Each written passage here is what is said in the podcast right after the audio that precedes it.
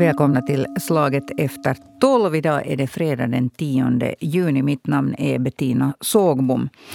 Ja, Frankrikes president han var ute och han har sagt ganska mycket om, om kriget i Ukraina. och Nu har han också varnat Europa för att att vi inte ska förödmjuka eh, Vladimir Putin.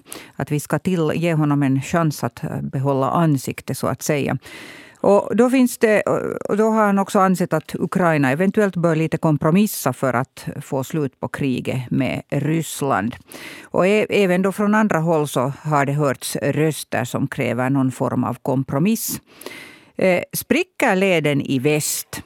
Och vad är det som är bakgrunden till det här? Är det någon form av krigströtthet eller rädsla för, för konsekvenserna i de egna länderna som, som spökar här i bakgrunden? Det ska vi diskutera här idag i Slaget efter tolv. Och med mig har jag vår medarbetare i eh, Baltikum, Gustav Antell. Välkommen. Tack så mycket. Och eh, med mig från Frankrike så har jag Hanna von Wendt som är bosatt i Frankrike sedan många år tillbaka. Välkommen Hanna. Tack, tack. Och eh, också Tysklands medarbetaren eh, för Svenska Yle, Jonny Sjöblom, är med mig. Välkommen. Tack, tack. Jag tänkte börja med dig, Hanna von Wendt. Alltså, den här Macron har nog spökat här mycket i rubrikerna på sista tiden och, och hans uttalanden om att, och han har själv berättat hur många, uh, sa han rent av att han har suttit hundra timmar i telefon med Vladimir Putin. Och, och så säger han just det här att, att vi bör ge eh, Ryssland och Putin en, en sån här väg ut ur den här konflikten eh, så att han kan behålla ansiktet. Och, och det där, eh, han har stött på mycket kritik också för det här. Men hur, hur bemöter fransmännen eh, presidentens uttalanden? Det beror ju helt på vem man frågar. Om man mm. frågar mannen eller kvinnan på gatan så, så är det ju mera parlamentsvalet och, och en, en det där eh, Eh, minskad köpkraft som, som är högst på agendan skulle jag säga den här debatten om Ukraina och Macrons uttalanden har mera förts i särskilt i högerpressen och sen i diverse, diverse politiska debattprogram. Eh, å ena sidan ser man att det kanske finns en viss förståelse för att Macron vill upprätthålla någon slags realistisk dialog med Putin. Å andra sidan så eh, finns också ganska starka kritiska röster eh, till att Macron i sitt försök att hålla hålla den här, all, ska säga, alla dörrar öppna i själva verket stänger dem både till Ukraina och till Ryssland och, och nyligen var det en, ehm, en ehm, bland annat en, en rysk eh, miljardär som är bosatt i Frankrike sedan många år som, som uttalade sig i Figaro, en av, av de här högertidningarna, som sa att han, han har svårt att förstå överhuvudtaget eh, Macrons agerande i det här, i det här skedet och, och han refererar också till att Putin lägret skrattar åt Macron i det här läget och, och har till och med döpt hans hundra timmar i telefon till någonting som de kallar för Macroning. Eh, det vill säga att man ringer och, och utan att, att komma till något resultat utan, utan orsak. Så, att, så att det, det finns en debatt på gång här eh, och ganska kritisk. Men å andra sidan så, så har jag inte heller sett några alternativ till vad, vad, vad Macron kunde ha gjort istället. Mm. Och, och, han är ju i, i, i och med att Frankrike har Frans, EU med och ordförandeskapet just nu så, så finns det säkert ett intresse också att upprätthålla någon form av dialog i hopp om att man bäddar för, för framtida äh, fredsförhandlingar eller en, en kompromiss. No, jag, jag vänder mig nu till Gustav Antell. Va, vad säger man i, i Baltikum? Den här gången för ovanlighetens skull kan man säga att här finns bara en röst och det är det att det är en total misstro just nu mot Macron och, och oförståelse och besvikelse att hur han kan göra så här. Och, och det har sagts just att, att om han nu har talat så mycket i telefon med, med, med Putin att, att om han ens skulle tala en timme i telefon med Zelensky så skulle det vara bra. Man, man ser det helt enkelt som att eh, stormakterna nu vill, vissa stormakter säga, vill, vill köra över Ukraina och, och, på sätt och vis liksom lugna sinne och bli av med den här besvärliga Krimfrågan som ju så att säga ändå ryssarna har tagit. Och, och, och eh, Polens president, nu då inte kanske direkt Baltikum, men han sa, han sa något just i tal om det här med dörrarna, att man kan inte göra så att man, man lämnar dörren på glänt åt Ryssland. Och, och, det är det som det man gör nu, att, att, att det, det, går inte att, att, behandla Ryssland på ett sånt sätt. Det, det är samma som att behandla med silkeshandske. Mm. Eh, Jonny Sjöblom, samma fråga till dig. Hur går diskussionen i Tyskland? Finns där någon förståelse för vad det är som Macron försöker liksom uppnå med det här? Det är klart att det finns i vissa kretsar en, en viss förståelse, men samtidigt så skulle jag nog bedöma för Tysklands del att man kanske hörde just liknande röster som Macrons i början av det här kriget, men att, men att den här tyska linjen har nog blivit ska vi säga, hårdare och klarare gentemot Ryssland under de senaste veckorna. Att, att den här åsikten att man då ska förhandla allt för mycket med Putin eller att till och med då gå för Ukrainas del med på eftergifter, så den åsikten har nog trängts ut eh, rätt långt i marginalerna, att den representeras nog av yttervänstern och ytterhögern, att det är inte någon politisk mainstream i Tyskland för tillfället. Och det har ju varit mycket kritik mot, mot förbundskansler Scholz och hur han har hanterat den här krisen, men att till, till hans försvar så kan man ju kanske säga det att han nog har varit klar på den punkten att det är Ukraina som, som bestämmer att på vilka villkor och när förhandlingar med Ryssland eventuellt sker, att, att liknande utspel från honom så tror jag att det är nog lite svårt att vänta att någon sådana, sådana ska komma. Men är det så, vad, vad, är det här ett utslag för nu? Är det, ni var lite inne på det. Är det inrikespolitik som spökar här eller är det, är det någon sorts eh, rädsla för Ehm, konsekvenser? Alltså är priset, håller det på att bli så högt eh, för att, att då utesluta Ryssland och hålla den här hårda linjen att, att man på något sätt bedömer att, att eh, man är tvungen att, att komma med eftergifter? Vad, vad är det liksom spökar i bakgrunden? Att, att, ehm, eh, om jag börjar med Hanna von Wendt. Um, det är svårt att säga. Jag tror att, att um, om man nu försöker se tillbaka på Macrons världsbild så har det nog säkert fått sig en törn med, med Ukraina-krisen här. Att, att han har tidigare, vad jag har förstått i alla fall, talat om ett väldigt starkt Europa eller europeisk kultur. Och det här har också inbegripit Ryssland. Mm. Så, så den bilden har, har nu gått gått sönder och sen å andra sidan, men han, vad han försöker göra nu är att närmast positionera Frankrike en, en, och sig själv som i en medlarroll, som en part som ska bädda för någon slags kompromiss och dialog mellan, mellan båda parter. Sen kan jag inte säga om det faktiskt handlar om inrikespolitik. Det, det tror jag att, att det är att gå lite väl långt, men det är klart att eh, att Ukraina-krisen på sikt påverkar alla våra ekonomier och, och köpkraften minskar etc. Så, så det finns säkert också där i bakgrunden. Nu har man talat mindre om kriget i Frankrike de, senaste veckorna så ja, är svårt, svårt att säga om det faktiskt handlar om inrikespolitik. Mera, mera om att positionera Frankrike i en slags medlarroll.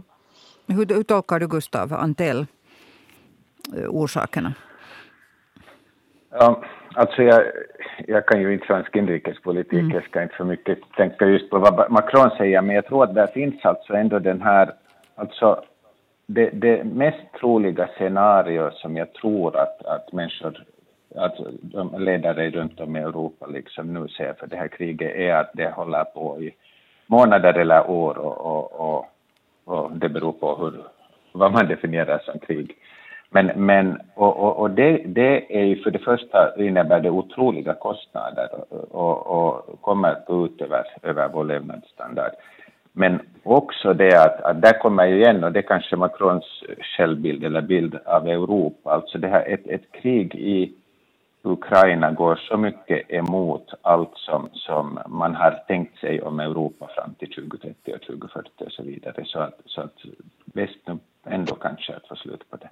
Mm. John, John äh, ja, varsågod, Hanna. Jag skulle säga att, um, att det, den parallellen kan man ju dra till inrikespolitiken. Att Frankrike um, har ju en, en ganska stark extremhöger och också en ex, stark extremvänster som på något sätt äh, ändå ser upp till den här auktoritära regimen och sen i mitten finns Macron och nu har vi parlamentsval på kommande. Folk är mindre och mindre intresserade av, av politik men jag, det är klart att om det här kriget drar ut på tiden så finns det ju en risk att de här extremkrafterna växer till sig på grund av att folk är missnöjda. Så det finns nog säkert ett intresse att få slut på något sätt på den här konflikten för ju längre den, den pågår så desto mer sjunker köpkraften och det finns andra, andra risker som kommer mer i bilden och då, då blir det ju en inrikespolitisk fråga på sikt. Mm. Eh, Jonny Sjöblom, vad är din analys? Eh, jag skulle kanske säga att den här chockverkan som, som det här kriget gav upphov till, så den var ju synnerligen stor just här i Tyskland för att man på något sätt under de här första veckorna efter krigsutbrottet eller efter det här ryska anfallet så, så hade man ju en stor självrannsakan att vilken var Tysklands roll i upptakten till det här kriget och hur har den här tyska politiken gått fel? Och, och då hade vi också den här diskussionen att hur man snabbt ska få ett, ett slut på det här kriget möjligtvis. Och den var kanske mer central den här frågan då. Att jag, min bedömning är nog den att man också här i Tyskland nu på något sätt äh, är förberedd på att det här kan ta ta en lång tid innan, det här, innan man når några lösningar på den här situationen och jag tror att man också på något sätt börjar leva med det här att det är klart att det finns, om vi nu talar om krigströtthet så finns det ju den formen att, att, att priserna stiger och i synnerhet energin har ju här i Tyskland blivit mycket dyr. Men en krigströtthet i den form ska vi säga att man snabbt måste få slut på det här kriget så det tycker jag nog att man åtminstone inte inom politiken skönjer idag att, att på något sätt så, så har man nog, nog här vaknat upp till de här realiteterna och trots att Scholz nu har fått mycket, som jag var inne på, redan fått mycket kritik och hans, hans linje har varit trevande och velande, så ska man också komma ihåg att i hans regering så sitter två partier som, som nog har en lite annan syn på hela den här konflikten, hela, hela det här kriget än vad Scholz och Socialdemokraterna kanske har, att, att de här, eh, både de gröna och de liberala som sitter med i den tyska regeringen, så de sätter nog press på Scholz och, och man har nu också sett på opinionsmätningarna att hans politik som då har varit försiktig kan man väl säga, så den, den har nog inte heller varit så populär i Tyskland att Kristdemokraterna enligt opinionsmätningarna igen största parti, de har gått, gått tydligt förbi Socialdemokraterna och till och med de gröna som har en betydligt eh, striktare och hårdare hållning gentemot Ryssland, så de är också större än Socialdemokraterna för tillfället, så att det är inte på det sättet heller någon inrikespolitiskt lätt sits som Scholz har för tillfället, att han pressas nog på från både, ska vi säga inrikespolitiskt och också då från utlandet, så att jag tror nog att, att, att Tyskland åtminstone så håller på nog att, ska vi säga, pressas åt det rätta hållet efter att man kanske först var mer trevande än vad man, idag, än vad man i dagens läge är. Mm. Eh, här i, igår så cirkulerade, eh, och det cirkulerar fortfarande, ett videoklipp som, som har delats alltså flitigt runt om i, i världen. Och det är från en, en tillställning där Vladimir Putin har träffat unga entreprenörer. Har ni, har ni sett det här klippet som, som jag hänvisar till? Jo, ja, jag har sett det. Ja, det cirkulerar bland annat på Twitter. Som, uh, han har träffat unga entreprenörer alltså och, och, fått frågan om... Och där säger han uh, smilande, han ser nog inte alls dödssjuk ut där, utan smilande säger att ja, att Peter den store så inte erövrade han någonting. Han tog bara tillbaka det som rättmätigt var vårt. Och, och, och, det är liksom det vi gör nu också. Att så kan vi tolka det här. Och, och då talar han alltså om Sverige eh, i det här klippet. Och, och, det här är... Alltså det, det är häpnadsväckande. Det har delats mycket som har sagt att har, har Macron sett det här klippet nu när han ska fortsätta prata i telefon och medla med, med Putin. Eh, sådana här utspel som, nu när jag tänkte när Hanna von Wendt, du sa att han tycker om att se sig som någon form av, att han är liksom den här medlaren här i Europa. Så jag skulle vara intresserad att höra att hur, ni, hur ni andra ser på den här medlings... Ehm, alltså det här medlingsärende helt och hållet. Att, att, eh, kan man liksom tänka sig mera att det går att medla i den här konflikten? Eller har vi liksom gått förbi eh, en, en sån här gräns som det inte går att... att alltså, ni förstår vad jag menar. Att, det, att har vi mm. passerat en gräns... Jag frågar Gustav Antell först. Alltså ur ett baltiskt perspektiv mm. så, så passerades ju gränsen den 24 februari. Mm. Och sen dess har den enda lösningen varit att, att eh, Putin ska isoleras tills han är, är död i princip. Och, och, det här är ju också, för att nu sätta det i ett större perspektiv, alltså um, det är ju den linjen som egentligen Storbritannien också följer. Och, och, och de har ju de baltiska länderna och, och, Storbritannien har ju väldigt täta kontakter nu. Det, och, och här, här ser, ser, man nog väldigt mycket på andra världskriget och Macron är ju Chamberlain i, i kvadrat enligt många här. Uh, Frankrike, Italien, speciellt kanske Italien som, som ju egentligen är mer problematiskt än Frankrike och Tyskland uh, ur den här synvinkeln. Så, så ses ju mest som, som rådbollar som inte, inte förstår vad som händer och inte just kan den här historien uh, som då Peter den store och allt det här med Putin. Mm. Hanna von Wendt. Macron har ju ingen på det sättet krigserfarenhet. Han är en, en bra teoretiker och kan säkert den här politiken, men jag tror också att det bottnar just i det här att världsbilden har fått sig en törn, eller världsbilderna är så diametralt olika. att Det är svårt att förstå att nu, nu går det liksom inte längre att försöka med, med fransk diplomati. Det finns en del som till och med drar paralleller till, till eh, François Mitterrand som eh, 89 och 90 när Tyskland skulle återförenas motsatte sig det här. Att han, han gjorde också den här felbedömningen. Han var rädd för ett, ett nytt krig med, med Tyskland och, och han, han eh, var också sen att reagera på, på Milo, Milosevic och Serbien 91 så att det är vissa som drar paralleller till att, att det inte är första gången som en fransk president äh, gör en, en katastrofal felbedömning. Men, men hur viktigt är det vad, vad, Frankrike gör här? Alltså hur betydande spelare är Frankrike i det som händer nu och utvecklingen? Vad, vad säger ni? Vad säger du Jonny Sjöblom?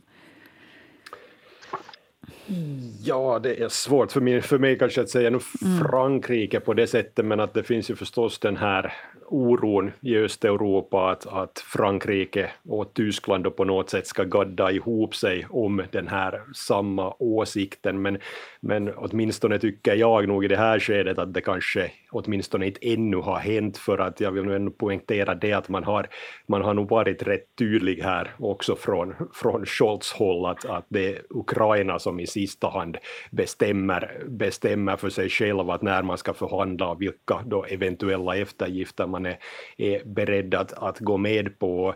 Och jag tror nog den här Hanna var inne på det här att, att, att man kanske, att en världsbild har gått i kras och det har den ju definitivt också gjort här i Tyskland att, att man brände ju kanske ännu mer fingrarna här just i sin förhållning till Ryssland här då i, ska vi säga det här, det här diskuterades ju nog här mycket under, under februari, mars, att, att vad, har, vad har man så att säga gjort fel under 20-25 år? Och, och jag tror att man nog är på ett annat sätt nu försiktig med att till exempel sätta sig i någon medlarroll för att man har, man har facit på hand nu och märkt att det, det gick ju nog så fel som det, som det kan gå, så att jag tror nog att Tyskland är ytterst försiktig när det kommer just till det här att man på något sätt skulle försöka medla i den här, i den här konflikten i det här kriget, att man vill nog hålla sig utanför där skulle jag tro. Att jag tror nog inte att man kanske då slår in på samma linje som Macron här under. Och som jag sa så den här,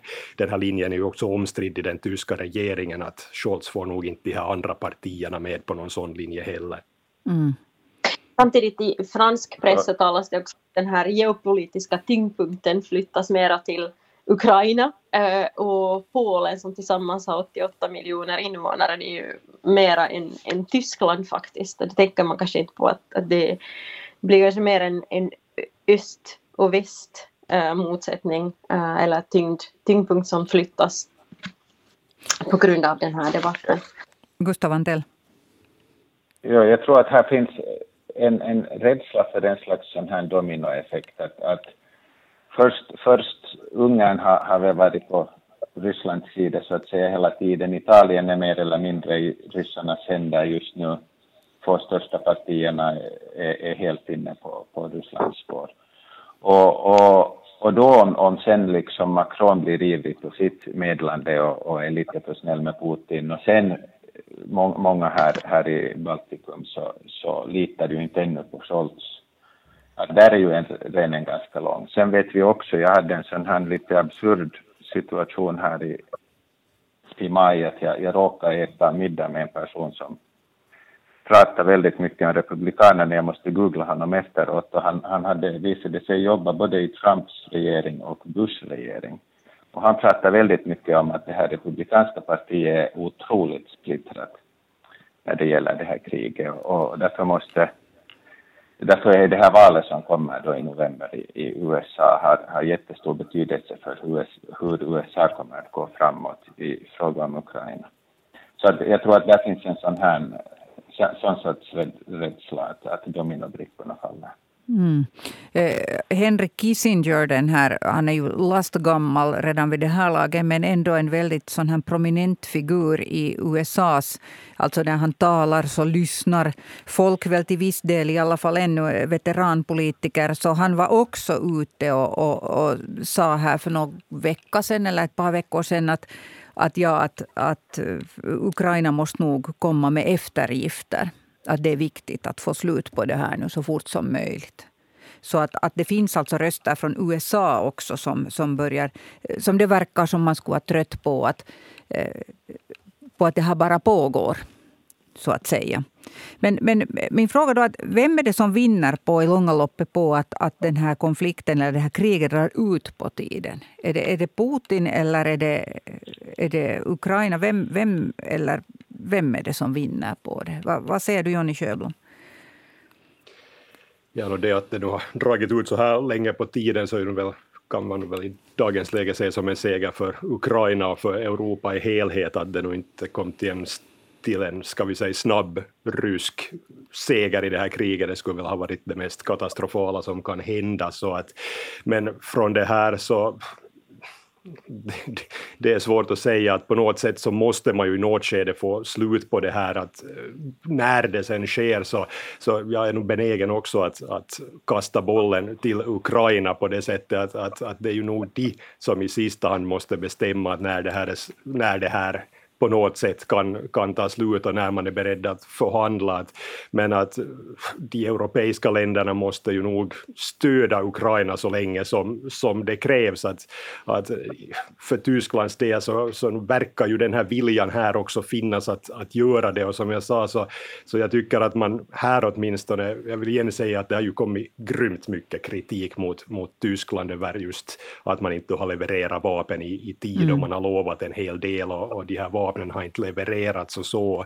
Och jag kan helt ärligt säga att jag tycker också den här kommunikationen från, från regeringen och från Scholz, så den har ju varit mer eller mindre katastrofal under hela den här, under de här månaderna. Och jag tycker ju det är konstigt att man, man inte har lärt sig någonting under de här veckorna som har gått heller, att det tycks ju fortsätta och fortsätta. Men att det som jag redan sa, att jag tycker nog att den här linjen är, är rätt klar, att, att, att man åtminstone nu verkar, verkar stå i rätt läger så att att säga att jag ser nog inte att Tyskland nu i det här skedet på något sätt skulle, skulle dra mattan under för Ukraina. Att det, det ser jag nog i det här skedet åtminstone inte. Att det är klart att det finns som sagt en, en viss trötthet med de här prishöjningarna och sånt, men att, men att den tyska regeringen har ju kommit emot där också. Sen ska vi komma ihåg att det här beroendet av, av Ryssland så har ju minskat i snabb takt när det gäller energin här i Tyskland, så att på det sättet så börjar man också där stå, stå mer och mer på egna ben så att säga. Så att jag vet inte heller vad alternativet skulle vara, att, att inte det för Tyskland heller någon ideal situation att, att det här kriget skulle komma till ett, till ett dåligt slut för Ukraina så att, så att säga, för att Tyskland är ju inte heller rustat för någon militär konflikt överhuvudtaget. Att, att utomlands så tycks det ju finnas den här bilden att, att, att det tyska försvaret har vapen och manskap i all oändlighet, men det här försvaret är ju så starkt nedbantat under de senaste 25-30 åren att, att man har ju egentligen ingen ingenting att säga till om i en militär konflikt på det sättet så att, så att nu finns den här eh, tanken här också, att Ukraina på något sätt för ett förlängt krig för Europa. Mm. Eh, du sa här, Gustav Antell, tidigare att i Baltikum är, är den här meningen väldigt klar. Det att Putin ska isoleras tills han är död. Det var, ja, det var precis så du uttryckte det. Men, men det där, om lederna nu spricker och det verkar som om, om alla i väst inte skulle ha samma turneringsuthållighet som, som balterna eh, säkert har här. Så, så ja, eh, vad blir konsekvenserna? Vad tror du? Alltså, för att gå också kombinera med förra frågan, mm, alltså, visst. ska vi vara riktigt ärliga så vinnaren om det blir ett långt krig så det är ju de baltiska länderna och Finland för att ju svagare Rysslands armé blir desto bättre för oss. Uh, men men om, man, om man tittar så här att, att, att och, och, Ukraina har ju ingenting att vinna på en fred annat än, än människoliv, vilket förstås är otroligt mycket värt, men, men, men de går väl åt så småningom ändå enligt så som man ser det i Ukraina. Det vill säga, jag talade med den här brittiska experten Keir Giles. Som du har som skrivit en artikel, en, en, artikel om, det kan vi också puffa om, att den finns att läsa på svenska uh, Yles uh, webb. Ja, och han mm. då från Chatham House och han är en av, av Västeuropas mest kända uh, ska vi säga Moskvakännare och, och Kremlkännare. Och Han, han sa så här att, att utgångspunkten är den att om, om det på något sätt tvingas fram en sån här möjlighet till förhandlingar, uh, så som det nu ser ut, att delvis på Rysslands villkor snarare än på Ukrainas, så, så då kan förstås Putin utropa en vinst och, och gå ut med det att, att eh, vi gjorde rätt, uh, vi, vi har liksom uppnått våra mål. Och det här kommer ju inte Ukraina att godkänna. Till och med om det blir någon slags fred så kommer ju en motståndskamp, väpnad motståndskamp att fortsätta där. Och, och det är ju exakt vad Ryssland också vill, för att då blir de plötsligt, det är Ukraina som blir boven. Och, och, och det här sa han att, att konsekvensen är den att, att för det första så blir bilden av Ryssland positivare om, om det nu skulle, skulle gå som Macron vill. Och sen så har Ryssland tid att rusta upp och komma igenom två eller fyra eller eh, tio år. Liksom. Att, att det är den här konsekvensen av att nu tvinga fram en, en fred eller en fredsprocess. Mm. Eh, jag, jag, tycker att under de senaste eh, veckorna skulle jag säga, så har, har Zelensky i sina uttalanden ofta yttrat en viss besvikelse nu också med Eh, Europa. Eh, I början vi hade, det är ju alltid så här när det sker någon sorts eh, så dramatiska händelser så, som, som det nu har skett sen 24 februari det blir en sån här båge och, och, då har vi haft Zelensky som har blivit applåderad i olika parlament runt om i Europa och så har folk... Eh, alltså viljan att hjälpa har varit väldigt stor. Hur mycket det sen i praktiken har varit så är sen en, förstås en annan fråga. Men Eh, var i den här bågen befinner vi oss nu? Jag, alltså, jag som sagt tycker emellanåt att, att han ganska klart har ändå uttryckt en besvikelse. Han hade hoppats ändå på någonting mer. Vad, vad, vad tänker du, Hanna von Wendt, om det här? Mm. Uh, svårt att sätta mig mm. i, Zelenskis skor. Uh, alltså det finns, som, som jag säger, när man lyssnar på de här alternativen så finns det liksom inga vinnare och förlorare i, i, i den här konflikten. Det är hemskt svårt att säga om, för, för, så vitt jag kan se, var man är i den här bågen. Men det är klart att det finns en så länge, ju längre kriget pågår desto, desto mer blir det en del av, av det vanliga nyhetsflödet, tyvärr. Tyvärr. Mm. men tyvärr Uh, så, och, och liksom inrikespolitik och andra, andra ämnen tar vid. Svårt, svårt att säga, men, men det är klart att, att som jag sa den tidigare, geopolitiskt sett så har ju Ukraina uh, Ukraina fått en, mycket större tyngd här tillsammans med, med Polen. Uh, sen är, får vi se hur länge, hur länge det, kan, det kan pågå. Mm. Uh, men svårt att säga var, var någonstans vi är i den här utvecklingen. Vad säger ni andra? Märker ni av en sån här, någon sorts frustration eller någonting i de talturer som nu har hört från Zelensky på sistone? Vad, vad säger du, Gustav Antell? Ja, absolut.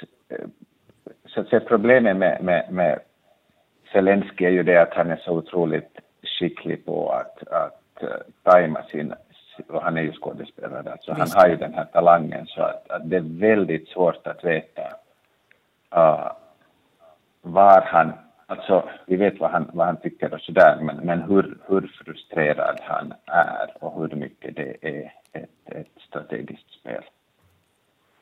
Mm. Det är sant. Det bör komma ihåg att, att han, är, han är otroligt skicklig. Och hela den här eh, PR-automaten som, som snurrar på där i Ukraina är oerhört skicklig också. Jag, jag tänkte vända mig till Jonny Sjöblom ännu med en sån här fråga. Nämligen eh, Angela Merkel var tyst väldigt länge om allt det som skedde. Men här alldeles för några dagar sedan så gav hon en... Alltså hon yttrade sig äntligen, tänkte många Eh, och, och, om sina tankar om det som hade skett. Och, och då eh, upp, ställde hon upp på en sorts intervju där eh, åtminstone var förhandsuppgifterna det att hon hade själv... Um, hon gick alltså inte med på att bli så att säga så här revolverintervjuad utan hon fick lägga ut texten ganska fritt. Hur har man bemött det här i Tyskland. För att nu har hon ju blivit också kritiserad för att ha varit blåögd och allt möjligt beträffande Ryssland. Ja, den här intervjusituationen så var ju ganska, som du säger, noggrant iscensatt, mm. så att det var kanske inte på det sättet de, de öppna frågor som många kanske skulle ha hoppats på, men att, men att jo och nej kan man väl säga. Där att på ett sätt så hon såg ju sig själv helt på något sätt klanderfri, och bara på ingen skuld överhuvudtaget över det som har, har skett eh, ur sin synvinkel då just som via den politik som hon har fört. Så att, så att det vet jag nu inte att hur, hur ärligt man ska, kan säga att det var att hon har ju ställt sig till exempel bakom det här Nord Stream 2-projektet ända in till det bittra slutet kan man väl säga. Men, men det som nu kanske öppnar ögonen att hon har ju fortsättningsvis en, en mycket populär person här i Tyskland kan man väl säga och folk lyssnar ju när hon talar och, och hon sa ju ganska klart ut att hon redan länge har vetat att Putins mål är att förstöra Europa. Och när någon, en tidigare förbundskansler som Merkel säger det här så är det förstås någonting som,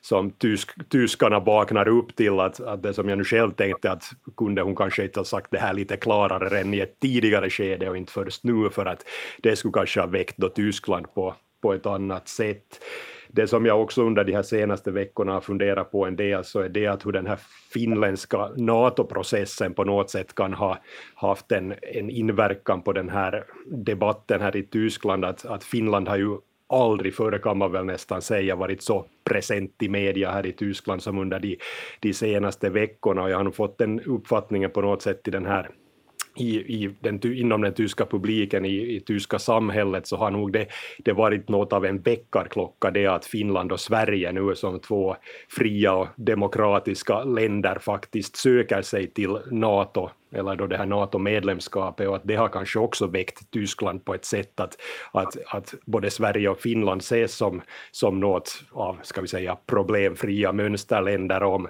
om de nu då bestämmer sig för att, att gå den här vägen eftersom man tolkar att det här hotet är så stort så, så, så tror jag nog att det också har fått många att fundera här i Tyskland att, att hur ska man egentligen se på, på hela det här Rysslands bestyret efter det här.